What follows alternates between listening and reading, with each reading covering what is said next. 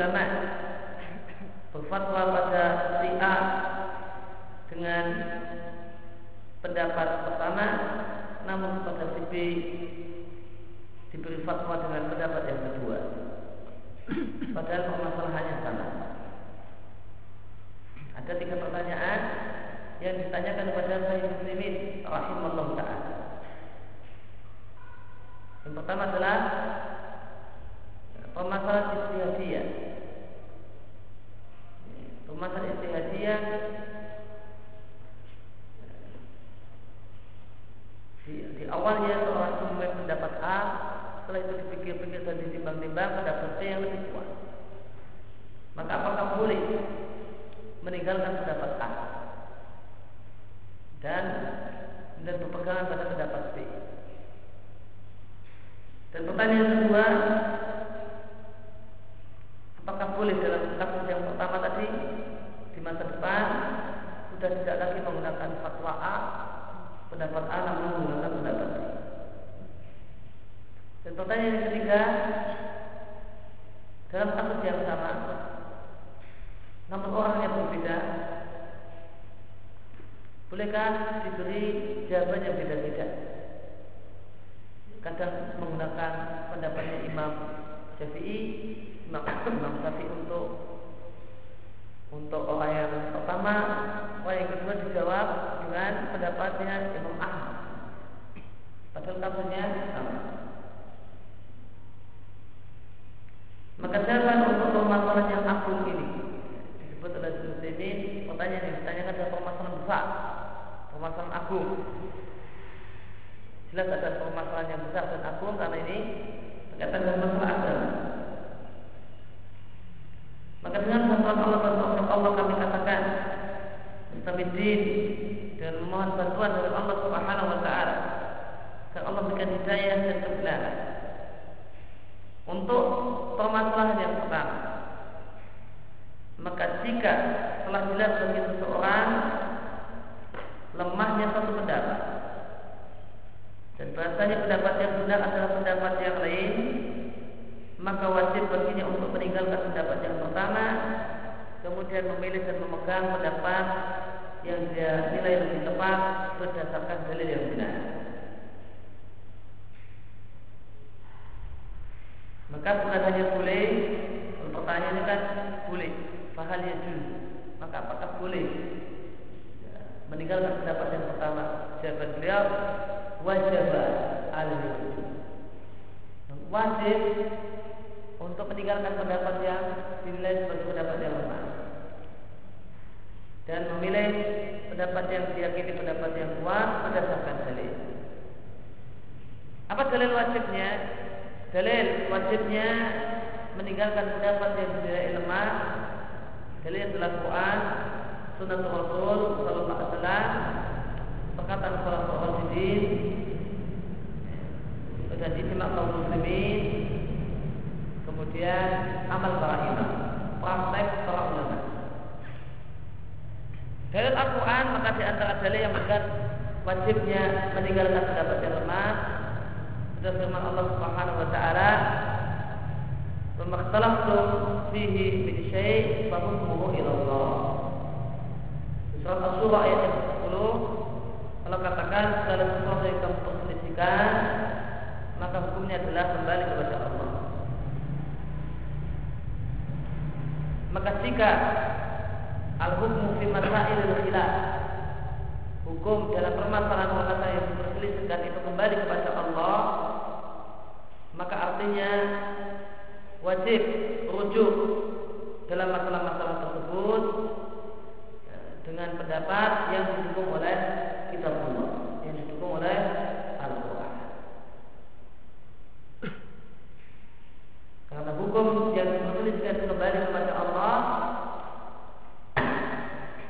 maka jika diketahui bahasa, bahasa yang sesuai dengan Al-Quran dan pendapat A yang sesuai dengan Al-Quran pendapat A maka wajib sesuai dengan pendapat A memilih pendapat A dan meninggalkan pendapat yang menyelisih.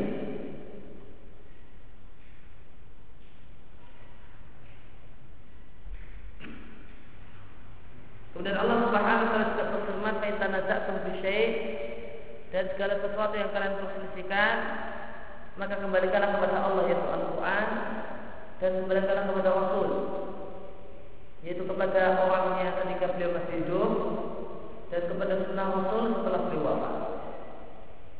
In kuntum tu'minuna billahi wal yawmil akhir jika kalian memang benar-benar beriman pada Allah dan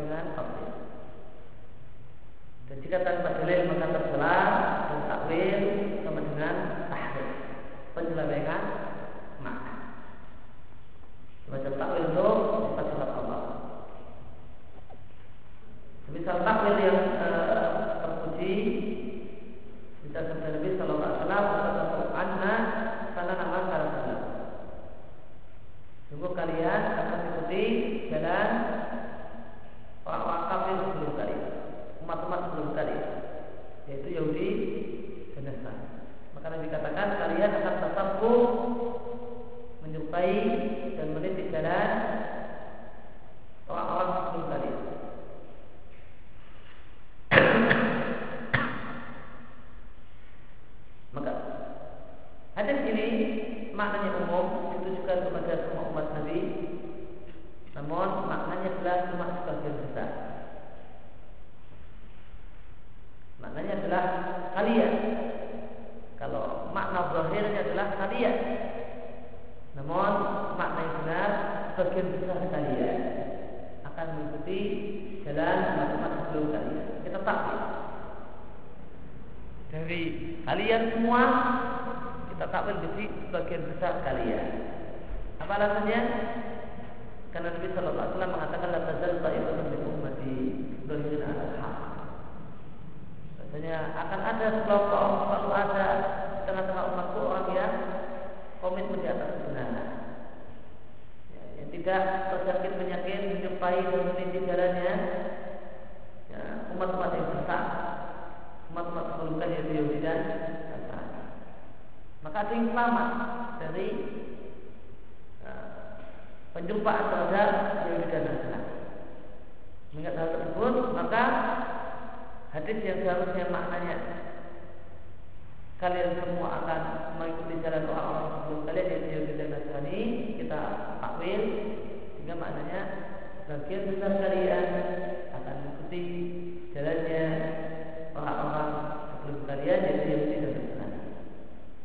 takwil berdalil. Takwil bisa berdalil, maka takwil terpuji dan takwil di sini maknanya sama dengan tafsir. Dan takwil dalam pengertian yang ketiga, tidak tanpa dalil, maka ini adalah takwil yang bersalah dan makna dan hakikatnya adalah tahrif. Demikian juga Allah berfirman, "Wa may yasyaqi rasulan min ba'di ma tabayyana lahu huda." Barang siapa menentang Rasul setelah dia memiliki ilmu maka ini menunjukkan bahasanya orang itu dosa kalau sudah tahu.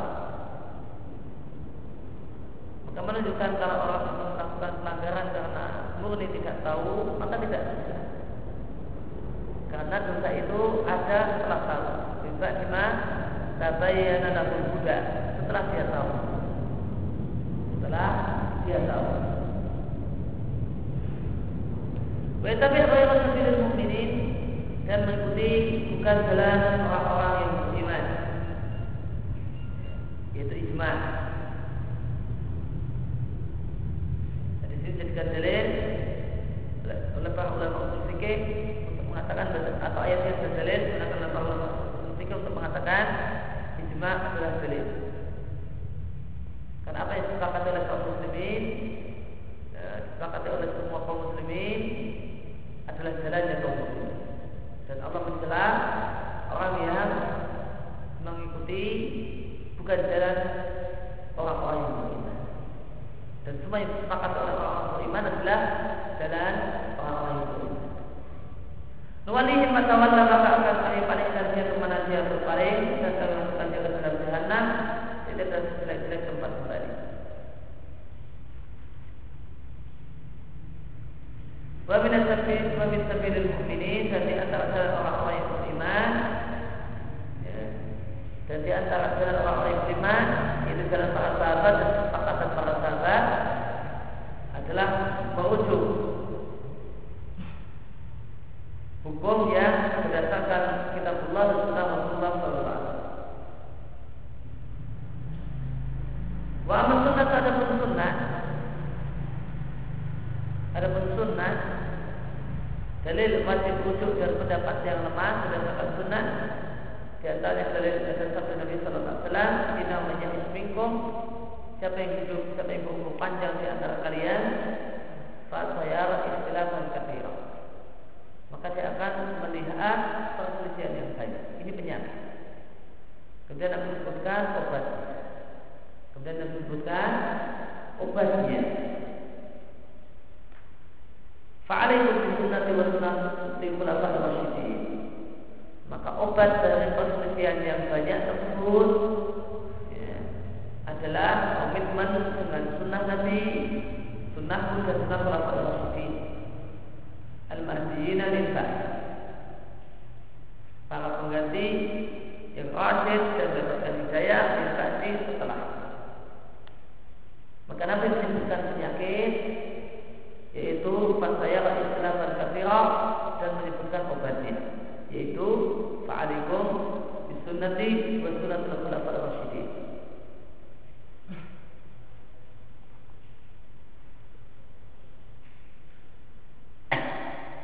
dan dalam hadis ini kita jumpai sunnah istilah sunnah dan sunnah dalam hadis ini adalah mayqabil al-bid'ah dan sunnah Nabi dalam artian lawan dari bid'ah. Karena sunnah itu memiliki beberapa makna. Beberapa penggunaan. Ada sunnah dalam makna yang dipakai oleh para ahli fikih. Ada sunnah dalam artian makna yang dipakai oleh para ulama hadis Demikian juga ada sunnah yang dipakai oleh istilah sunnah yang dipakai oleh usul fiqh dan ada sunnah yang dipakai oleh para ulama akidah.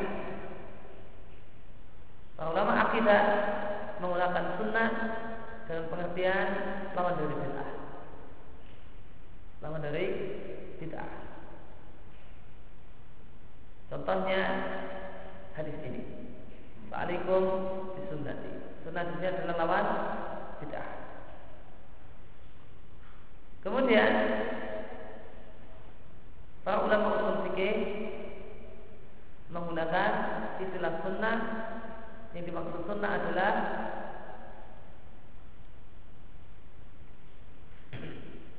satu hal yang bisa jadi dalil dalam agama, bisa jadi hujah dalam agama dan dia bukan Quran. Dan dia bukan Quran. Dan makna ini sudah telah dipakai oleh Nabi Sallallahu Alaihi Wasallam, yaitu ta'ufikum al-ghairi dan tadillu maka masaktum bihima. Kitab Allah dan sunnah Rasulih. Al-Quran Ketinggalkan dua hal yang jika kalian sedang terketukan maka kalian tidak akan sesat Al-Quran dan sunnah Rasulnya.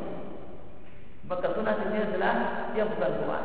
Dalil dalam agama dia bukan Quran.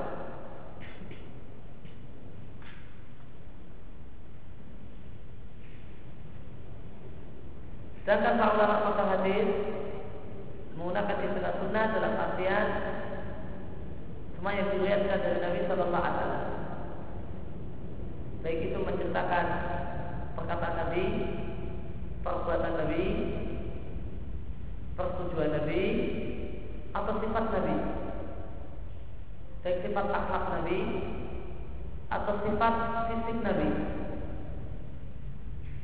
Baik menceritakan apa yang Nabi lakukan sebelum dia sudah jadi Nabi ataupun setelah jadi Nabi. Maka itu hadis. Maka itu sunnah dalam istilah lama pakar hadis. Maka sunnah dalam istilah pakar hadis adalah sama dengan hadis. Itu riwayat yang menceritakan bercerita tentang Nabi, baik perbuatan Nabi, ucapan Nabi, atau persetujuan Nabi, atau sifat Nabi, baik sifat akhlak atau sifat fisik. Baik apa yang Nabi, Nabi lakukan sebelum dia akan jadi Nabi, riwayat yang menceritakan pernikahan Nabi dengan Khadijah, riwayat yang menceritakan Nabi berdagang ke Syam sebelum jadi Nabi, ataupun yang setelah jadi Nabi. Dan tidak semua semua hadis itu jadi hujah dalam agama. Kalau kita mengambil hadis dalam pengertian ulama pakar hadis yang tadi tidak disebutkan, maka tidak semua hadis itu jadi hujah dalam agama. Hadis yang menceritakan tentang apa yang Nabi lakukan sebelum jadi Nabi jadi hujah, jadi hujah, jadi dalil? Bisa jadi dalil? Bagaimana Nabi menikah dengan Khadijah? Bagaimana Nabi gagal ke Syam? Jadi hujah dalam agama? Tidak jadi hujah. Tidak jadi sunnah Nabi. Sunnah Nabi adalah setelah Nabi jalan jadi Nabi. Ada apa yang Nabi dapat dari jadi Nabi? Maka itu bukan sunnah Nabi. Dan bukan hujah dalam diri. Dan hadis yang tentang jadi Nabi jadi hujah dalam agama? Hah? Tua makhluk yang demikian itu hujah dalam agama? Tidak jadi hujah. Ya, apa yang hukum yang bisa disimpulkan dari Nabi uh, kulit yang demikian, rambutnya tidak penting, tidak ini, kalau dikatakan dianjurkan, atau punya rambut yang tidak penting dan tidak lurus, demikian. Jadi hujan dalam hukum agama? Tidak bisa jadi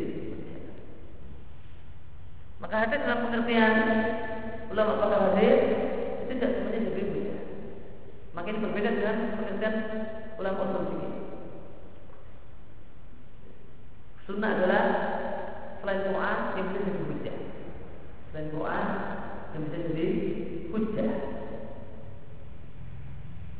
Karena sunnah dalam pengertian ulama hadis itu tidak semuanya bisa jadi hujah.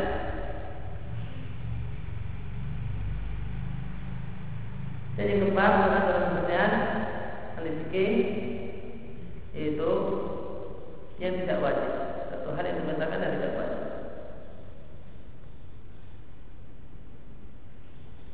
Maka Nabi perintahkan untuk berpegang teguh dengan sunnah.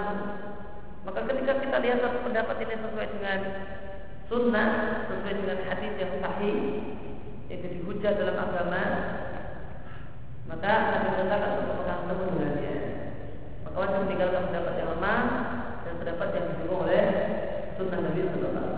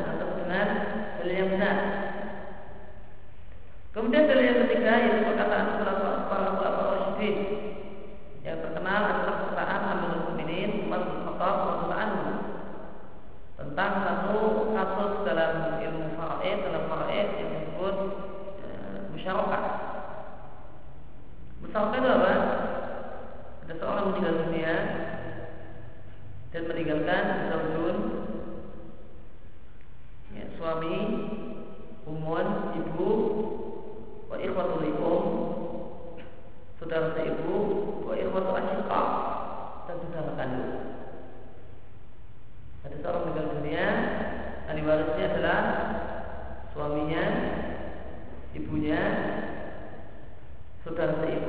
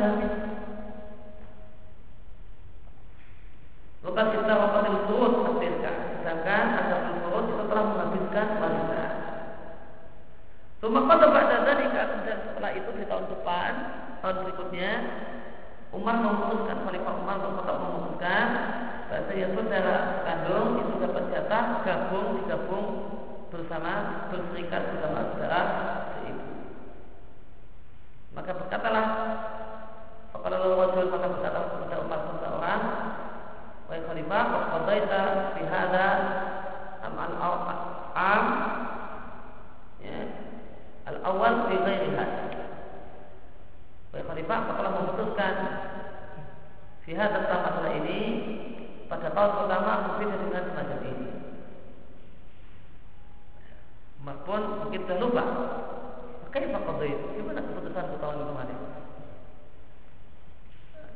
maka kata Allah tersebut maka tetapkan bahasanya yang dia bercerita kalau saudara cuma saudara seibu sehingga saudara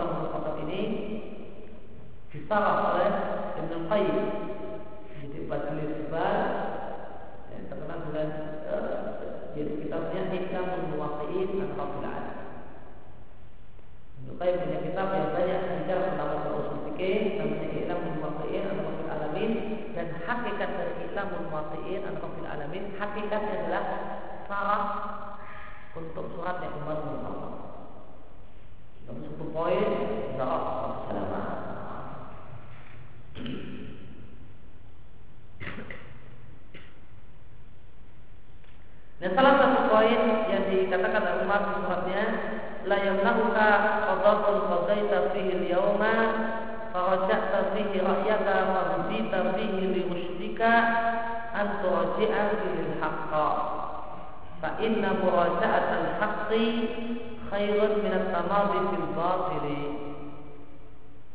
Janganlah keputusan yang engkau telah putuskan. Itu menghalangimu. Yang telah engkau putuskan aliyah pada hari ini menghalangimu.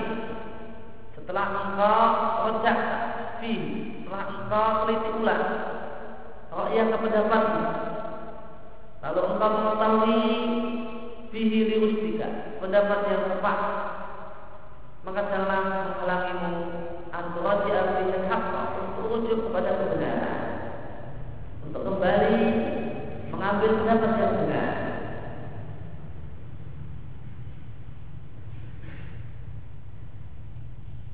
Ya.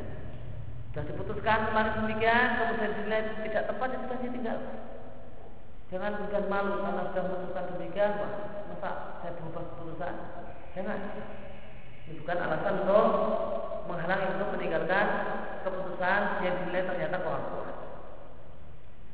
Kemudian Khalifah Umar bin Khattab ya, mengucapkan perkataan yang sangat terkenal dan dibahas atau disebutkan oleh para ulama bahas dan nazati ahli bidah dan orang-orang sesat. Sering ulama menyebutkan perkataan sangat sering ketika membahas tentang menasihati ahli bidah. Nah, sering ulama menyebutkan perkataan belum uh, Umar di sini. Fa inna muraja'at al-haqqi khairan min tamadi batil. Sering uh, kalimat ini dikutip oleh para ulama untuk menasihati orang-orang yang tersebut dalam penyimpangan dan kesesatan. Bahasanya rujuk kepada kebenaran, kembali kepada kebenaran itu lebih baik daripada terus larut dalam kebatilan lebih baik daripada larut terus larut dalam kebatilan. Kemudian dalil berikutnya tentang wajibnya meninggalkan pendapat yang lemah dan boleh pendapat yang lebih kuat. Ada dalil ijma yaitu perkataan Ali bin Ali Imam Syafi'i sebagaimana disebutkan oleh Ibnu Qayyim di Ihram Muwaqqi'in. Imam Syafi'i mengatakan ajma al muslimun seluruh kaum muslimin sepakat ala anna man istabana lahu sunnah Rasulullah sallallahu alaihi wasallam lam yakun lahu ayyada'aha di qauli ahadin minan nasi. Suka muslim sepakat siapa yang telah jelas di hadapannya sunnah Rasulullah sallallahu alaihi wasallam lam yakun lahu maka dia tidak boleh meninggalkan sunnah Nabi karena perkataan seorang manusia siapa pun dia. Setelah jelas oh yang sesuai dengan sunnah pendapat ini, ya, maka tinggalkan pendapat yang wah Kemudian hal berikutnya adalah praktek para ulama. Fahawa alimam Maka lihat misalnya Imam Ahmad. Beliau punya satu pendapat. Wayakul fikhilafi. Kemudian punya pendapat yang berbeda dengan pendapat yang pertama. Maka terkadang beliau menegaskan merujuk meninggal meninggalkan pendapat yang pertama. Bagaimana Imam Ahmad Soroha menegaskan meninggalkan pendapat yang pendapatnya dulu yang mengatakan jatuhnya ucapan talak yang diucapkan oleh suami yang dalam kondisi mabuk. Dan terkadang yang menegaskan kalau Imam Ahmad sudah wujud adalah ashabuhu adalah murid-muridnya Imam Ahmad menegaskan kalau Imam Ahmad telah wujud dalam pendapat ini. Semacam Al-Falal muridnya Imam Ahmad menegaskan Wujudnya Al-Imam yaitu Imam Ahmad dalam pendapatnya tentang orang yang mulai mengusap dua khufnya dalam keadaan mukim kemudian sapa. Maka dulu Imam Ahmad mengatakan maka dia menyempurnakan mengusap sebagaimana jatah untuk mukim. Kemudian Imam Ahmad meninggalkan pendapat ini kata Al-Falal dan berpendapat adalah dia menyelesaikan menyempurnakan pengusapan khom sebagaimana jatah yang diberikan untuk musafir. Musaf khom kalau mukim itu punya hak sehari semalam 24 jam. Kalau musafir punya hak hari tiga malam, tiga kali 24 jam. terhitung dari menurut pendapat yang paling benar terhitung dari ya, mengusap pertama setelah ada maka orang memakai orang yang kondisi berwudu pakai khuf ya. ketika waktu subuh kemudian hadas ketika jam 8 pagi dan baru mengusap mau sholat zuhur baru musaf baru wudhu kemudian musaf khom jam 12 siang. Maka jatah musaf khom itu dari jam 12 siang bukan itu dari subuh dan bukan itu dari jam 8 menurut pendapat yang paling kuat. Nanti ulama yang menghitung dari uh, makainya ada menghitung dari batalnya kuat itu dari musaf pertama setelah batal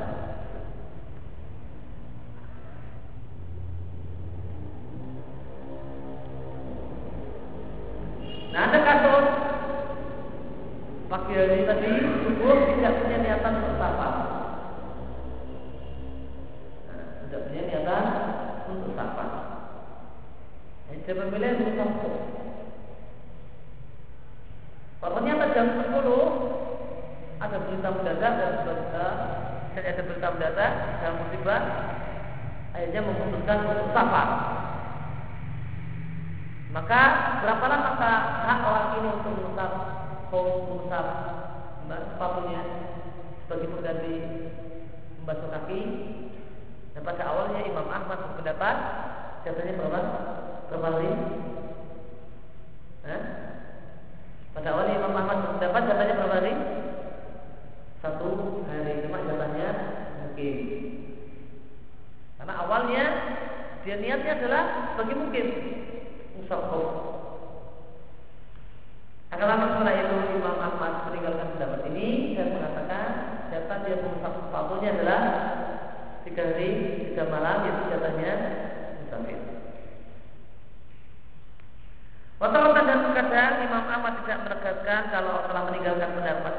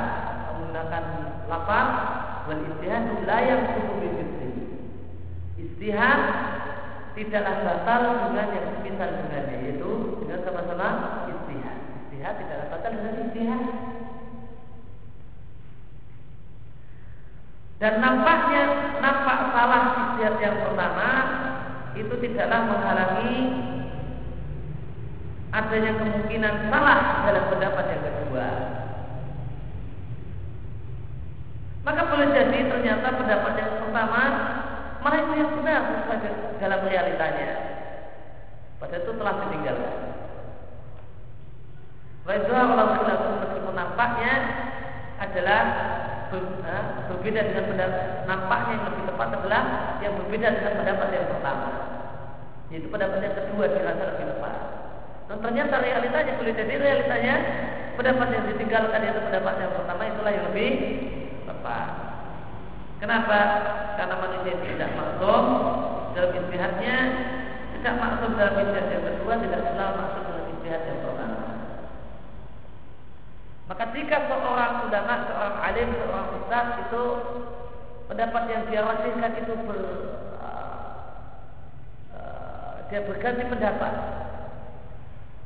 Dulu dia pendapatnya A, setelah itu dia timbang-timbang lagi, timbang-timbang lagi, dia rasa yang bukan pendapat Maka ketika hari terjadi, maka apa yang harus dilakukan? Pertama, wajib meninggalkan pendapat.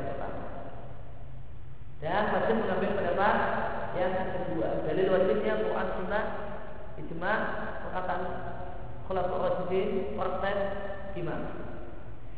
Ini yang pertama. Wajib meninggalkan pendapat yang lemah dan mengambil keputusan pada pendapat yang kuat. Kemudian yang kedua tadi sudah sampaikan apa?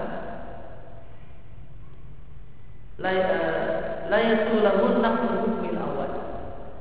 Tidak boleh baginya membatalkan hukum yang pertama. Misalnya dalam kasus pembagian waris tadi itu tidak boleh dibatalkan pendapat yang pertama. Kemudian dibatalkan Artinya dalam kasus yang telah dihukumi oleh Umar bahwasanya saudara kandung itu tidak mendapat tidak tidak dapat jatah itu tidak boleh juga dipanggil lagi panggil lagi yang kemarin sudah diputuskan tidak dapat panggil lagi ini kemarin keliru nah, terus kamu uh, saudara kandung kamu dapat jatah kamu dikelongi dikelongi kelongi ya kalau semua ini namanya membatalkan uh, pendapat yang pertama. Tidak boleh. Ideal juga. Bagaimana kata Umar. Ke ala ma Ya sudah itu dulu tetap berlaku.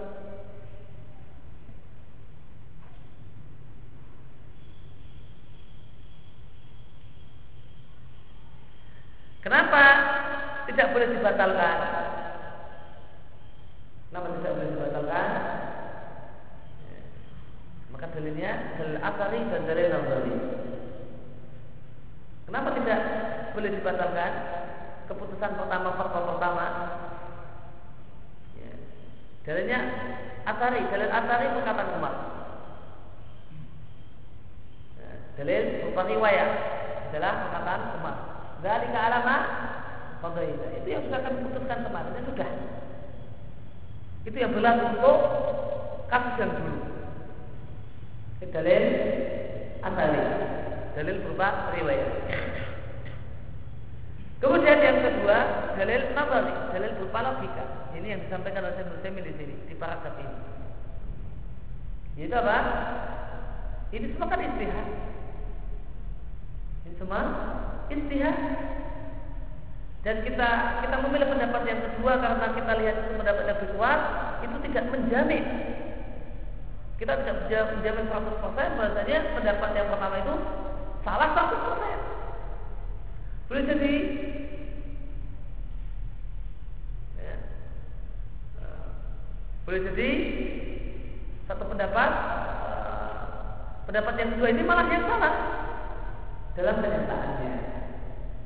Karena kita tidak masuk ya, maka kemungkinan pendapat yang kedua itu benar itu kemungkinannya tidak terpenuhi Ketika kita mengambil pendapat kedua meninggalkan pendapat pertama, kemungkinan salah untuk pendapat pertama tidak 100%, kemudian benar untuk pendapat kedua juga tidak 100%.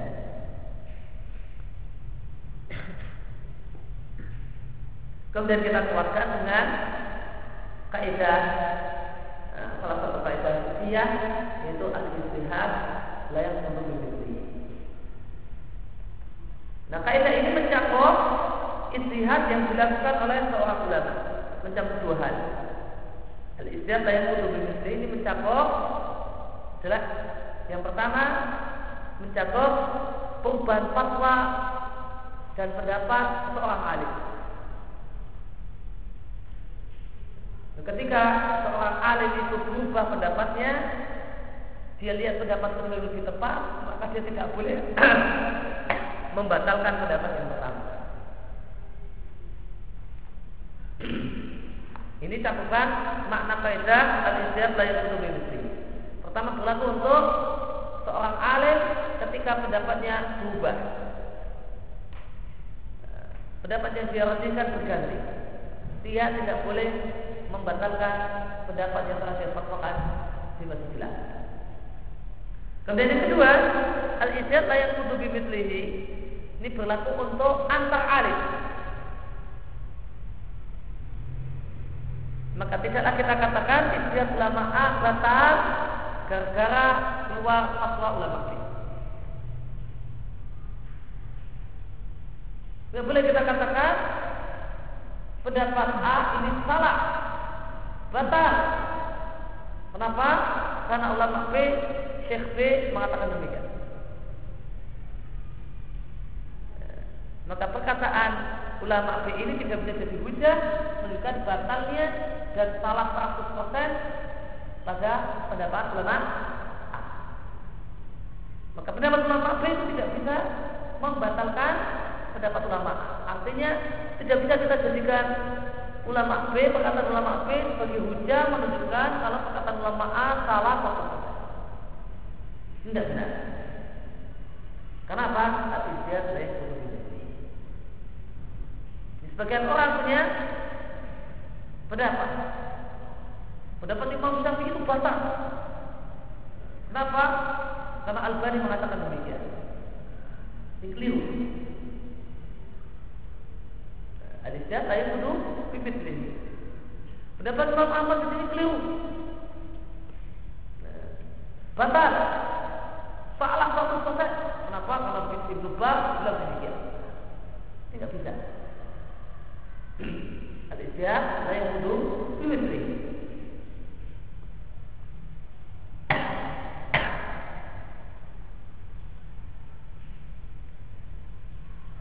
Kemudian yang ketiga, karena tidak boleh dibatalkan, maka apa? La yulzimuhu ikhbar mustafti Tidak ada kewajiban bagi si alim untuk memberitahu orang yang telah dia beri fatwa kalau alim ini telah meninggalkan pendapat yang dulu. Tidak ada kewajiban. Tidak harus nyari orang sebenarnya siapa ya yang tak kasih fatwa? Tidak harus demikian. Harus demikian ini berlaku untuk ya jika ternyata bukan dalam masalah istihadiyah. Kalau dalam masalah istihadiyah tidak ada kewajiban untuk mengasih uh, memberitahu kalau sudah ada salah. Tidak tidak perlu tidak ada kewajiban untuk perang. Tapi kalau pendapat yang bertentangan dengan mas 100% pemusli ijma kemarin ditanya dan uh, memberikan jawaban demikian A ternyata setelah itu uh, aja sudah ada ijma di sini. Ijmanya B. Maka ada kewajiban untuk dari siapa? Uh, memberitahu kepada orang yang fatwa pendapat saya ternyata menjadi ijma kita akan baik namun kalau tidak demikian cuma ada amalnya dan masalah itu jadi maka tidak ada kewajiban untuk memberikan kemudian jawaban untuk masalah yang kedua? Maka jawabannya telah diketahui dari jawaban untuk masalah yang pertama? Itu wajib bagi seseorang untuk meninggalkan rujuk meninggalkan pendapat yang lemah dan memilih pendapat yang dia ketahui adalah pendapat yang benar meskipun orang tersebut telah memberikan fatwa atau keputusan tapi kalau di masa silam dengan pendapat dan perkataan yang berbeda. Kemudian apakah dalam kasus yang sama permasalahan yang ketiga kasusnya sama boleh kasih dikasih fatwa A dipasih kata kasih fatwa demikian sedangkan B demikian kepada A dikatakan boleh kepada B dikatakan tidak maka boleh sampaikan ke ini jika masalah tersebut ada nas, kok ada sunnah, maka manusia adalah semua yang sama. Tidak boleh dibedakan antara si A dan si B. Ya, jika ada dalil Quran dan Sunnah maka tidak dibedakan antara A dan B. Ada tiga masalah yang dalam masalah ya. Itu permasalahan yang dibahas di atas istihad. Tidak ada dalil tegas yang disebut istihad. Tidak ada dalil sama sekali. Atau ada dalil yang maknanya bisa tarik ulur, mungkin demikian dan mungkin demikian. Maka baiklah dan jika ada istihad dalam hukum, maka demikian juga ada istihad dalam hukum. Maka jika masalahnya adalah masalah istihad, maka boleh katakan istihad ada dua macam. Ada istihad dalam hukum dan ada istihad dalam hukum.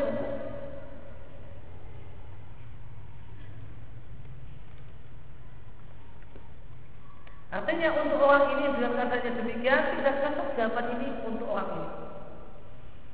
Tidak cocok. Ya. Berbeda dengan orang ini kata untuknya semacam itu. Maka ini istihad dalam mahalil. Maka ada istihad fil hukmi dan ada istihad di mahalil hukmi. Ada istihad dalam mencari hukum dan ada istihad dalam masalah berkaitan dengan objek hukum. Sasaran oleh karena itu maka ketika Abu Mukminin Umar bin Khattab radhiyallahu anhu melihat bahasanya manusia di zamannya banyak minum khamar maka Umar menetapkan hukuman tambahan Juga ketika Umar melihat orang itu bersegera untuk melakukan talak tiga sekaligus, maka amdahu alaihim maka Umar tetapkan bagaimana mereka yaitu talak sekali, talak tiga sekali itu adalah jatuh tiga.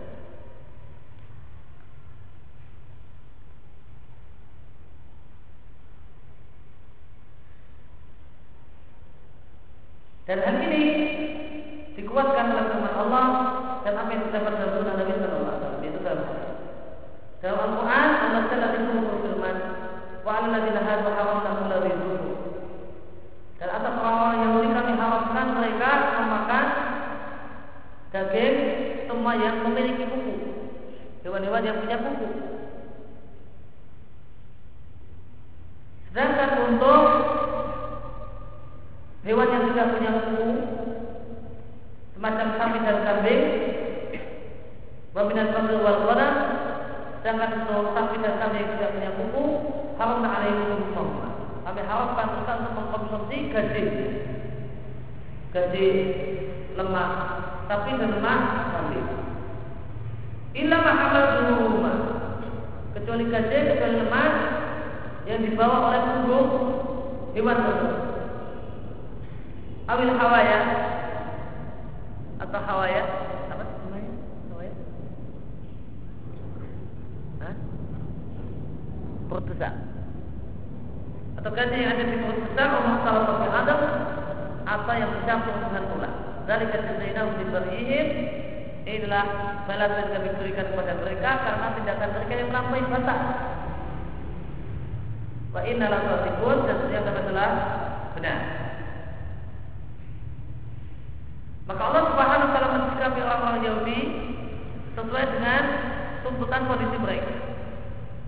Allah haramkan mereka menikmati makanan yang enak-enak ini Bibarihi disebabkan tindakan mereka melampaui batas dan kebaliman yang berkala. Bagaimana dalam ayat yang lain Allah katakan Fabi zulmin Baknya bak Maka disebabkan kezaliman Yang dilakukan oleh orang-orang Yahudi Kami haramkan mereka untuk memakan taibat dari makanan yang enak-enak uhilat lahum yang dulu dihalalkan bagi mereka. Maka inilah beda syariat Muhammad umat Muhammad Sallallahu Alaihi Wasallam dengan syariat Bani Israel.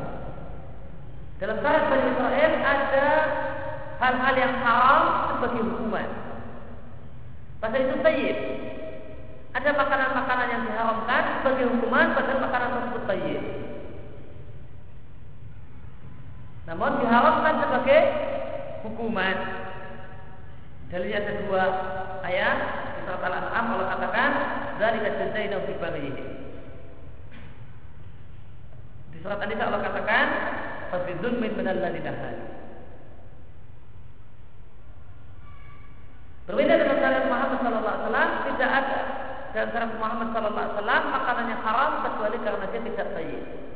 Bagaimana Allah dan Allah Arab yuhilullah mutaibat wa yuharim alaihul khubaith. Nabi Muhammad Sallallahu Alaihi Wasallam hanya menghalalkan yang sayyid dan yang diharamkan adalah yang sayyid, yang tidak sayyid karena khabith.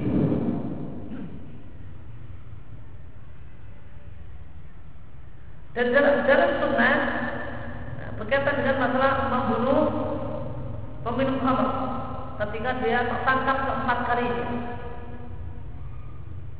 Ketika telah berulang-ulang peminum khamr ini dihukum sebanyak tiga kali dicabut terus sampai tiga kali. Ternyata dia tidak menghentikan perbuatannya maka ketika ditangkap keempat kali bagaimana? Pendapat yang kuat yang dimulai oleh Syekhul Islam Taimiyah dan Ibnu Qayyim. Ketika ditangkap yang keempat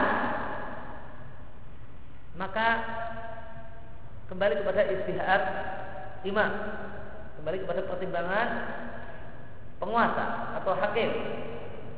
Jika dinilai orang ini karena khamr telah merata di mana-mana atau menjadi kebiasaan maka supaya juga maka harus ada hukuman keras maka ketika sudah empat kali sudah ditangkap bunuh penggal leher. Namun jika ya, masakannya dalam masakan yang jauh dari kamar ya, cuma satu dua gelintir orang saja dan dilihat tidak ada masalah untuk hal ini untuk memberikan hukuman tegas ya boleh dicambuk lagi. Tidak sampai dibunuh. Ini pemahaman yang dinilai oleh Ibnu Qayyim sebagai pemahaman yang paling tepat untuk hadis yang mengatakan eh, jika dia datang yang keempat kali maka dibunuh. Ini adalah kembali kepada istihad ini. Padahal hukuman pembunuh khamr asli pada asalnya tidak sampai dibunuh. Maka ini dalil sunnah yang dijadikan oleh Ibnu Taimin mengatakan terkadang hukum itu bisa kita bedakan antara berbeda antara satu orang dengan orang yang lain.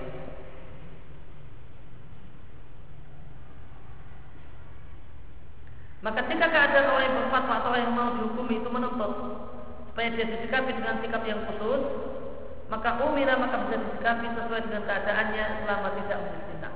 Selama tidak menjadi artinya dalam perkara tidak ada nas tegas di dalamnya. Namun dalam perkara apa? Istihadi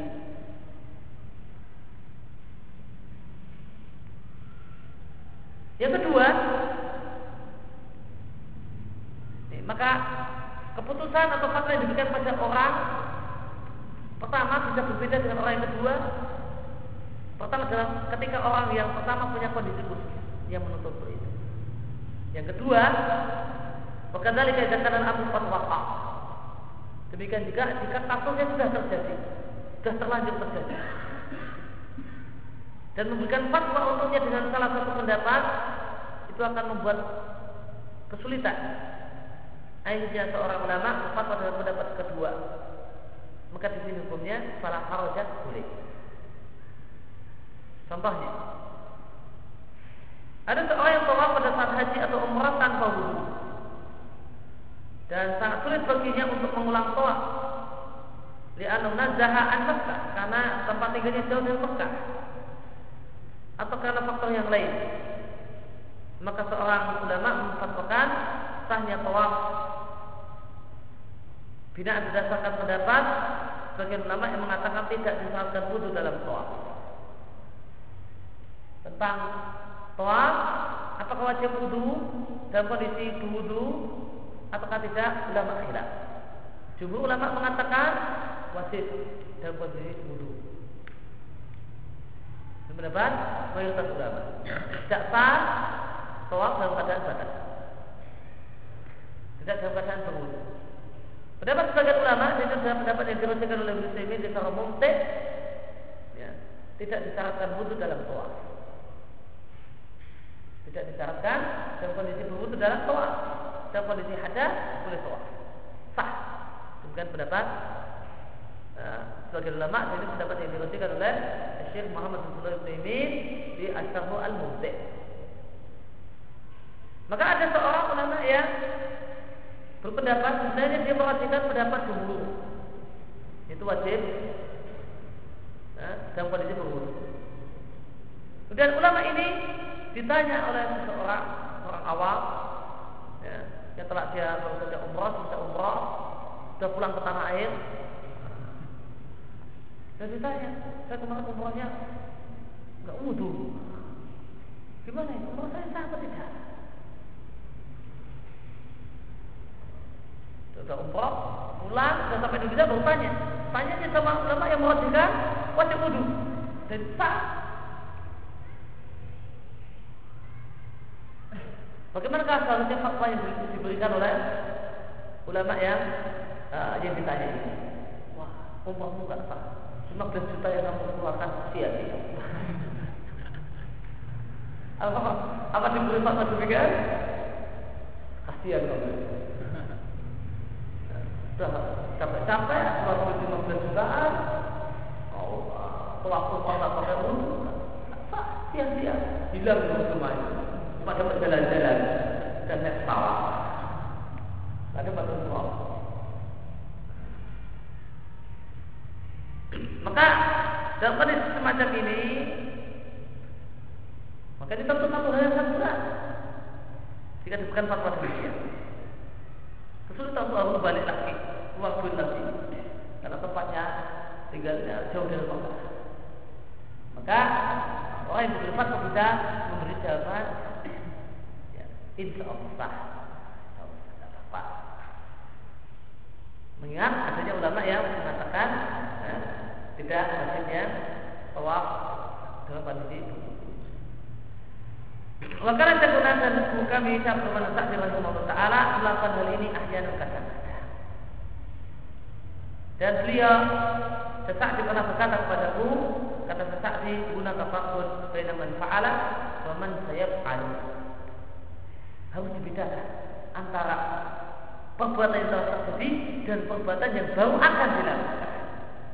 Wabaina mawaqa wa man lam yaqa.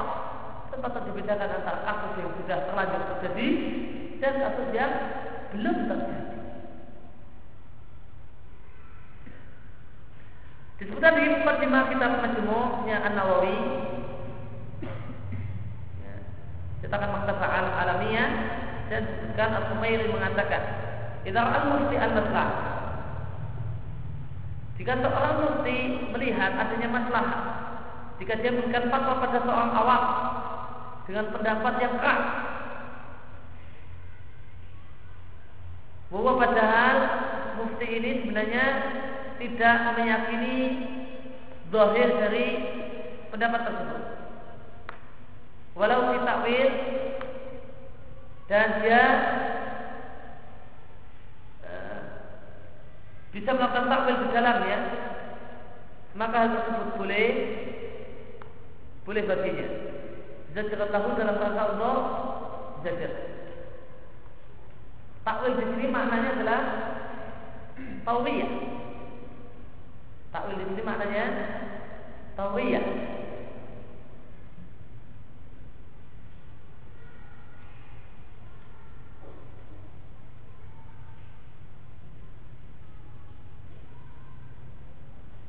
Ya, kita selesaikan dulu. Bagaimana dia kata Ibn Abbas anhu, dia ditanya tentang tobatnya orang yang membunuh. Orang yang membunuh apakah ada tobatnya? Apakah sah tobatnya? Apakah diterima tobatnya? Maka pernah ditanya oleh seseorang, kemudian Ibn Abbas tidak ada tobat baginya. Dan ditanya orang-orang lain, dan Abbas mengatakan dia bisa bertobat.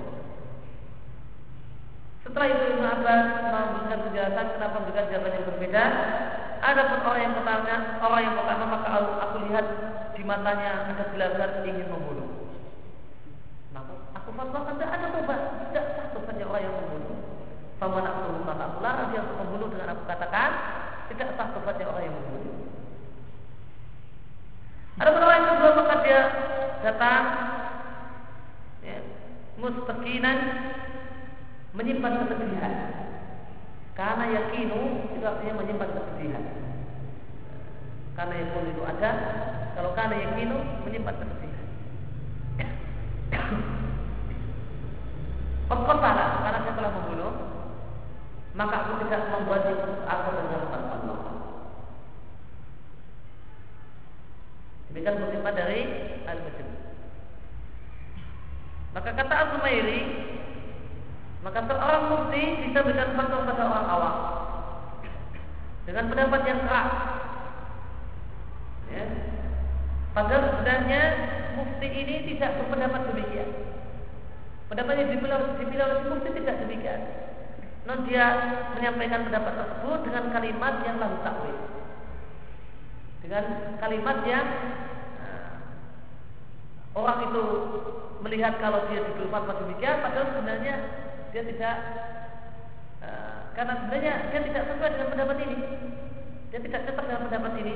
Namun dalam rangka untuk agar orang ini hati-hati agar orang ini kapok uh, waspada maka dia buat kalimat yang dia bisa takwil di situ artinya apa dohir kalimatnya berbeda dengan maksud hatinya bisa dia mengatakan dia tidak menyebutkan tidak sah, namun dia mengatakan mungkin lagi. Ya, mungkin. Pendapat jumhur tidak sah. Dia tidak mengatakan kalau tidak sah tidak. Dia cuma mengatakan pendapat jumhur tidak sah. Nah orang yang diberi fatwa dikira, Hah? Dikira itulah yang difatwakan untuknya. Padahal maksud dia, maksud si bukti ini, ya, cuma mencatatkan pendapat jumhur itu tidak sah. Paham maksudnya? Nah, maka dia memilih pendapat yang terlin, yang keras. Bahwa memang layak tapi. Padahal sebenarnya dia tidak meyakini. Dia tidak memilih pendapat ini. Dia tidak cocok dengan pendapat ini. Namun apa? Walau tapi dengan kalimat yang kalimat yang maknanya tidak ada orang yang diberi fatwa itu uh, pahamnya demikian, padahal maksudnya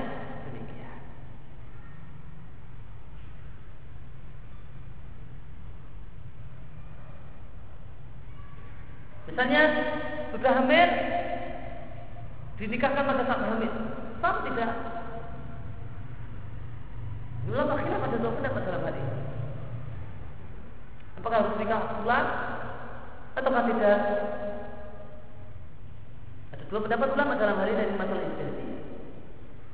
Maka karena satu masalah, ya, boleh jadi seorang tersebut sebenarnya memilih sah dan dalam rangka saja supaya tidak membuka pintu orang untuk bermudah-mudah dan berzina nanti yang penting bisa nikah lagi dan juga sah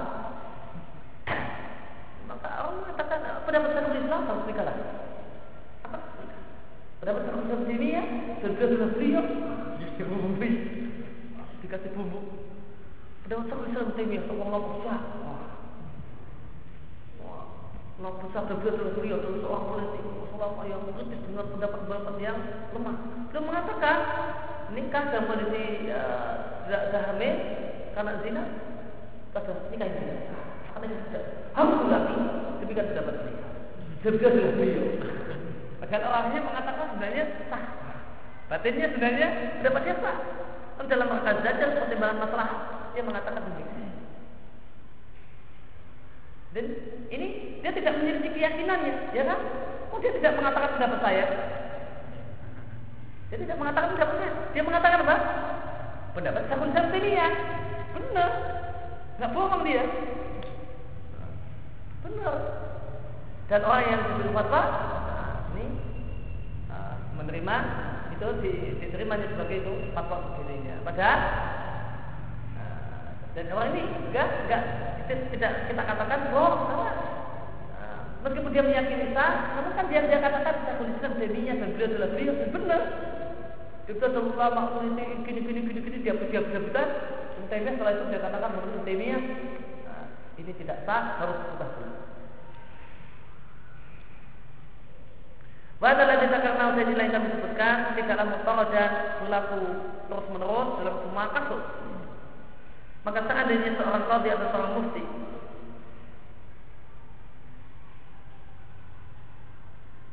uh, ingin mengambil dalam masalah uh, warisan antara ikhwah aljad uh, saudara ya, saudara kandung namun ada kakek dengan pendapat orang yang mengatakan bahasanya saudara itu mendapatkan warisan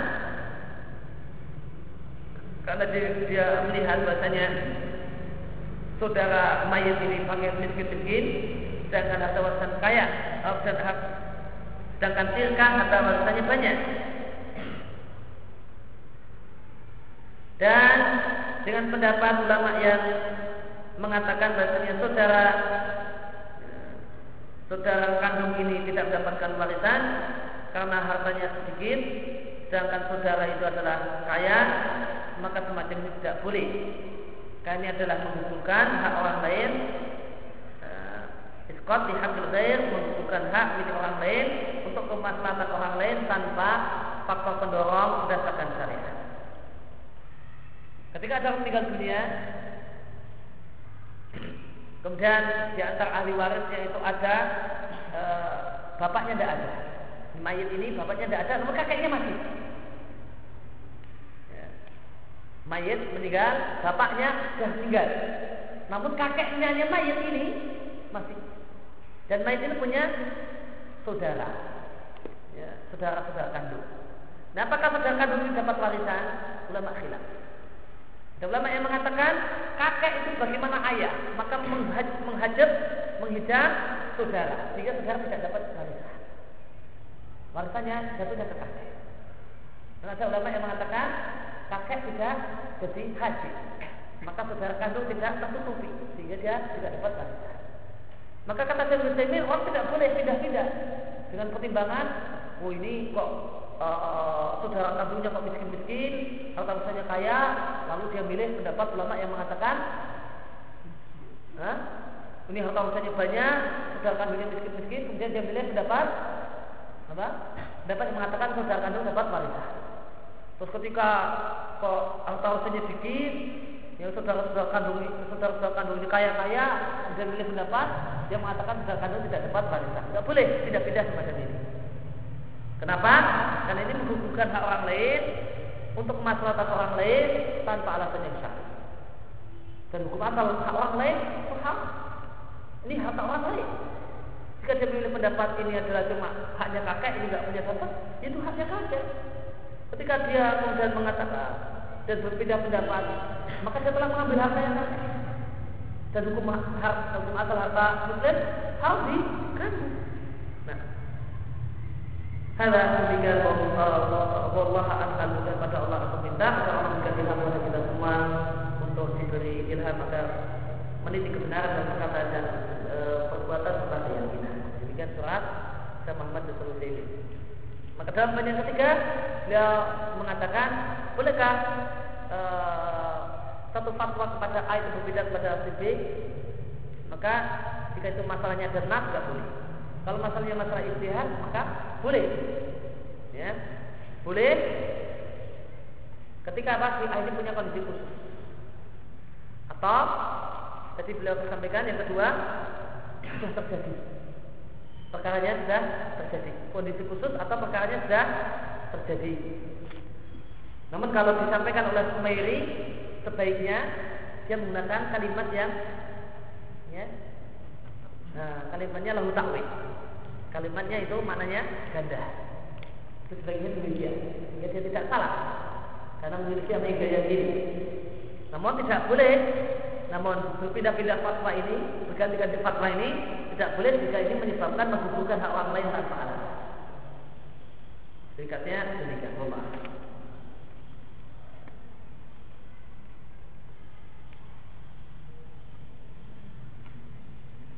Kutub gambar masjid biasanya ada simbol bulan sabit dan bintang juga e, lambang bendera negara kaum muslim memakai simbol bulan sabit dan bintang.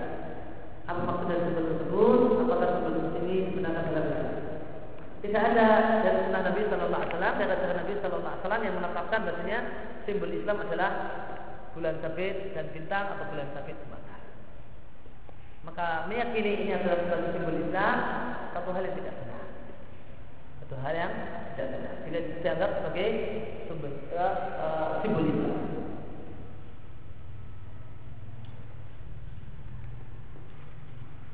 Hadis ma'ruf jika tentang hal gaib statusnya menjadi ma'ruf berdasarkan nah. Perkataan sahabat jika itu berkaitan dengan perkara gaib dan sahabat tersebut bukan terkenal diketahui orang yang tak baca Taurat dan Injil atau mendengar perkataan ulama uh, ulama Yahudi dan Nasrani maka statusnya adalah ma'ruf hukum. Tapi kalau sahabat itu suka mendengarkan ceritanya atau membaca Taurat dan Injil semacam sahabat Abdullah bin Amr bin maka tidak berlaku makhluk Apakah ini ijma pada hadis Allah kalau tentang masalah ijma dan bedanya?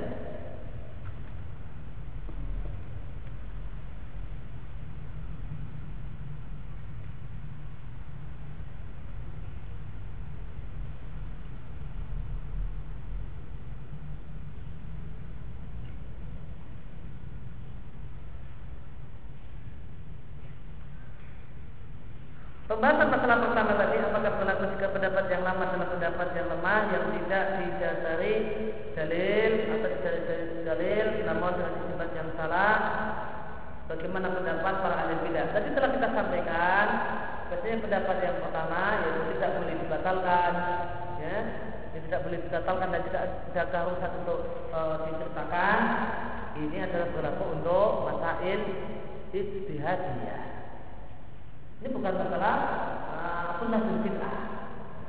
Kalau itu masalahnya adalah masalah sunnah dan bid'ah, bukan masalah istiadat. Ya. Maka lain. Ini sesat dan tidak lain. Kalau istiadat itu antara khotok wa sawab. Khotok wa Dan kurang tepat, benar dan salah.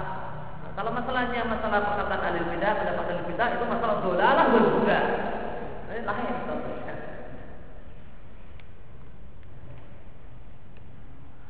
Apakah fatwa melalui dengan istihad? Tidak. Ya. Apa hukum? Nah, ada orang bertanya, apa hukum sholat lima waktu? Hukumnya fardu ain atau muslim? Ini fatwa.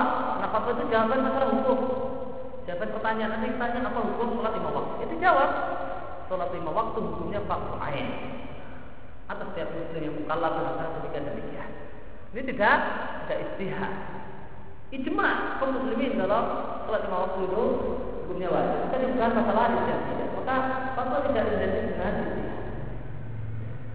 Ada fatwa dalam masalah yang ijma, nah, dan bukan masalah ijtihadiyah, mas tegas, dan ada fatwa dalam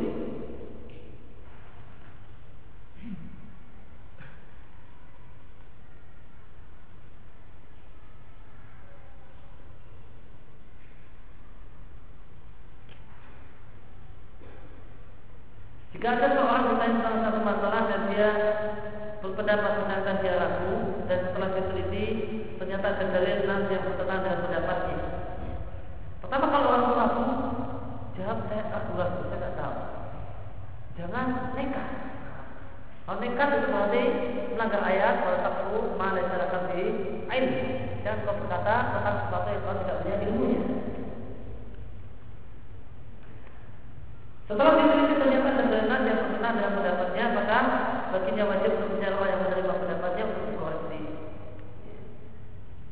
Kalau terdapat nasakan bukan bahwa ini pendapatnya kemarin ngawur berapa persen, maka wajib. Dan jika ternyata uh, maka wajib untuk dikoreksi. Dan jika ternyata pendapatnya adalah pendapat yang memang ada ulama yang berpendapat demikian, ini masalah istihadi, maka jika ini ternyata yang dia maka ada pendapat yang kurang tepat, dan ada perkara yang disihati, ya maka tidak ada kewajiban untuk